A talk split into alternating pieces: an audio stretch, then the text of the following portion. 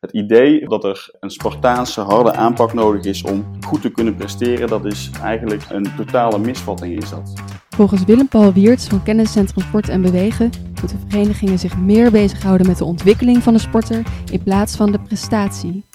Dit is een podcast van ANP Expert Support. Deze dienst staat los van de ANP-redactie. Mijn naam is Luna van der Waarde en ik spreek met Willem-Paul Wiertz van Kenniscentrum Sport en Bewegen naar aanleiding van dit ANP-nieuwsbericht.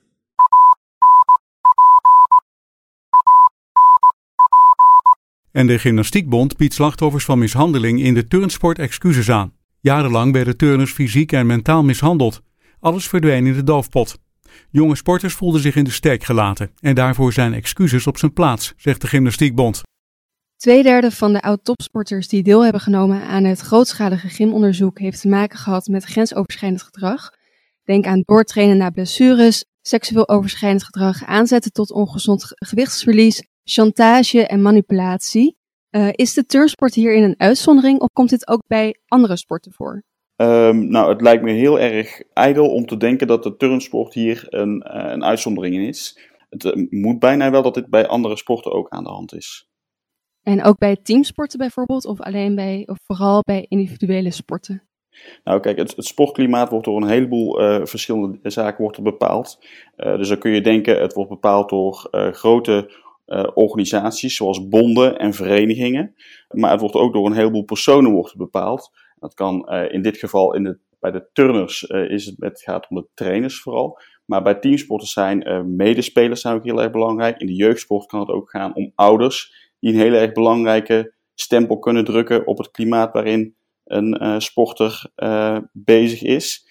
Uh, en dan kun je ook nog denken aan jury, arbitrage, publiek, van alles eigenlijk. Dus ook in teamsporten kan dit zeker plaatsvinden. En dan zijn er ook dus andere personen daar, die daar een invloed op kunnen uitoefenen. Ja, weet je noemt ook ouders, maar wat zouden die dan bijvoorbeeld kunnen doen? Nou, iedereen kent natuurlijk wel het, het voorbeeld van ouders die uh, op uh, zaterdagochtend langs de lijn staan te schreeuwen alsof het uh, Messi's en Ronaldo's zijn die aan het voetballen zijn, in plaats van hun zes of zevenjarige zoontjes en dochters. Ehm, en ja, door hun kinderen op zo'n manier te benaderen, zorgen ze ook voor dat sportklimaat voor die kinderen minder gunstig is. Ja, terwijl ze dat waarschijnlijk doen om de prestatie van hun kinderen te verbeteren. Ja, zeker weten, zeker weten. Aan de ene kant heb je het ontwikkelingsklimaat en daarin staat het leerproces en de persoonlijke ontwikkeling van de sporter staat daarin centraal.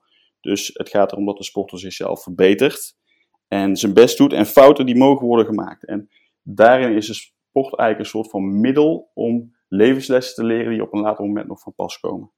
Aan de andere kant heb je een prestatieklimaat en daarin is binnen het enige dat telt. En daarin uh, is het, ja, eigenlijk de status en de positie ten opzichte van andere sporters belangrijker dan eigenlijk hoe die sporter zich daarbij voelt. En de sporter zelf is dan meer het leidend voorwerp, omdat het gaat van hey, hoe kunnen we deze mens als persoon beter maken.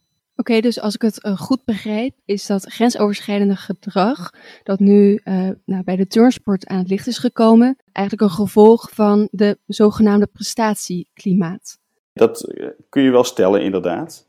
Uh, natuurlijk is het, zeker als het gaat om topsport, is het altijd zo dat er op sommige momenten sprake is van een prestatieklimaat. Er zijn altijd selectiemomenten, kwalificatietoernooien en natuurlijk wedstrijden. En op die momenten, dan moet er uh, geleverd worden en moet er gepresteerd worden. Uh, maar er worden alleen goede prestaties geleverd als de fundamenten op een ander moment al gelegd zijn. Dus als er op de andere momenten echt aandacht is voor het leerproces en de persoonlijke ontwikkeling van de sporter. Dus in algemene zin is het belangrijk dat juist uh, dat ontwikkelingsklimaat uh, centraal staat.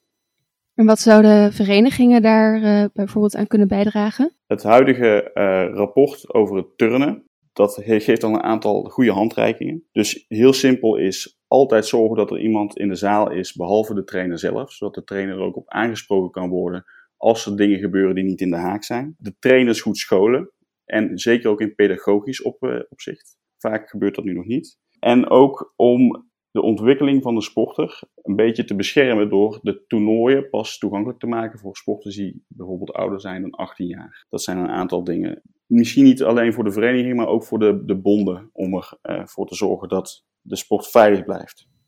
Ja, en komt het dan ook vooral voor onder topsport, die, uh, dat grensoverschrijdende gedrag, of ook in de amateursport?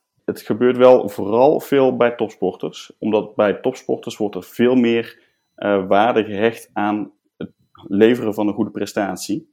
Uh, maar het is ook zeker zo dat ook in de breedte sport, dus gewoon amateursport eigenlijk, dat er vaak ja, op een manier gecoacht of met mensen omgegaan wordt die toch ervoor zorgt dat ze zich niet veilig voelen in, in hun omgeving. Dus het is, eh, ik denk, meer iets van de topsport dan van de breedte sport, maar het komt ook zeker in de breedte sport voor. En uh, wat zouden bijvoorbeeld die sporters of ouders van sportende kinderen kunnen doen als zij met grensoverschrijdend gedrag te maken hebben? Nou, het is natuurlijk altijd goed om daar gelijk dat bespreekbaar te maken, zowel met de persoon die het gedrag vertoont, maar ook om dat met de autoriteit, ofwel in de vereniging ofwel bij een bond, om de tafel te gaan zitten van hey, we hebben dit waargenomen, is het een incident, gebeurt het vaker?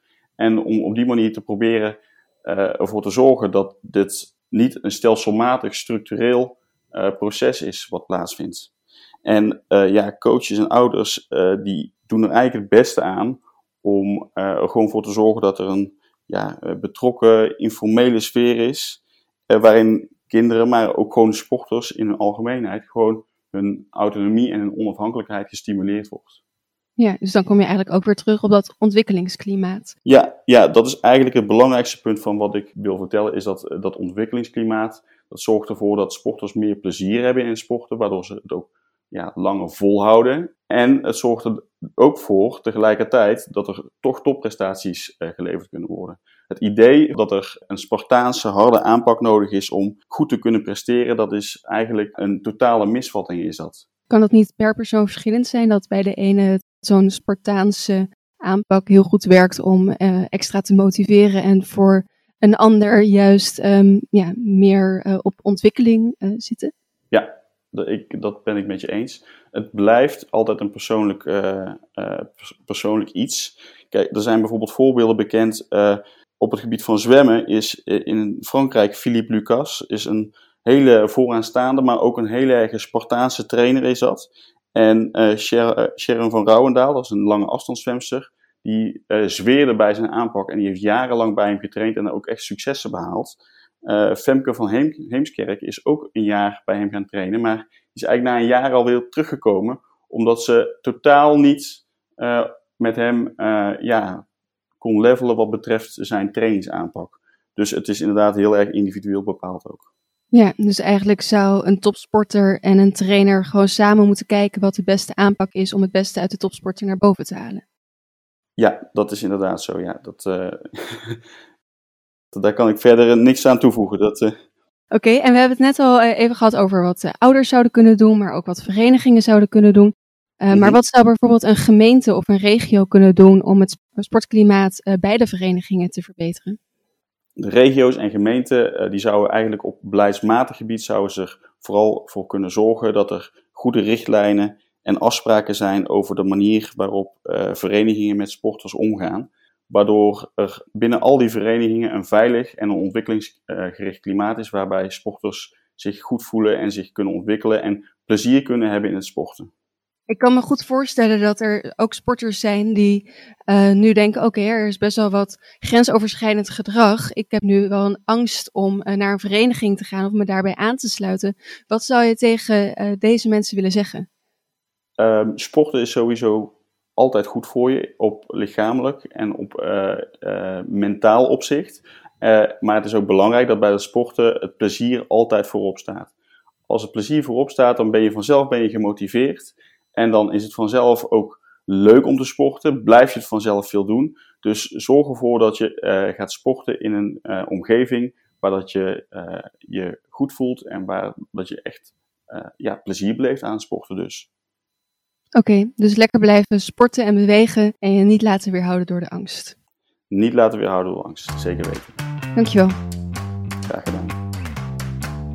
Deze en andere experts staan in de database van ANP Expert Support. Ga voor meer informatie naar anp.nl/expertcast. Dit is een podcast van ANP Expert Support. Deze dienst staat los van de ANP-redactie.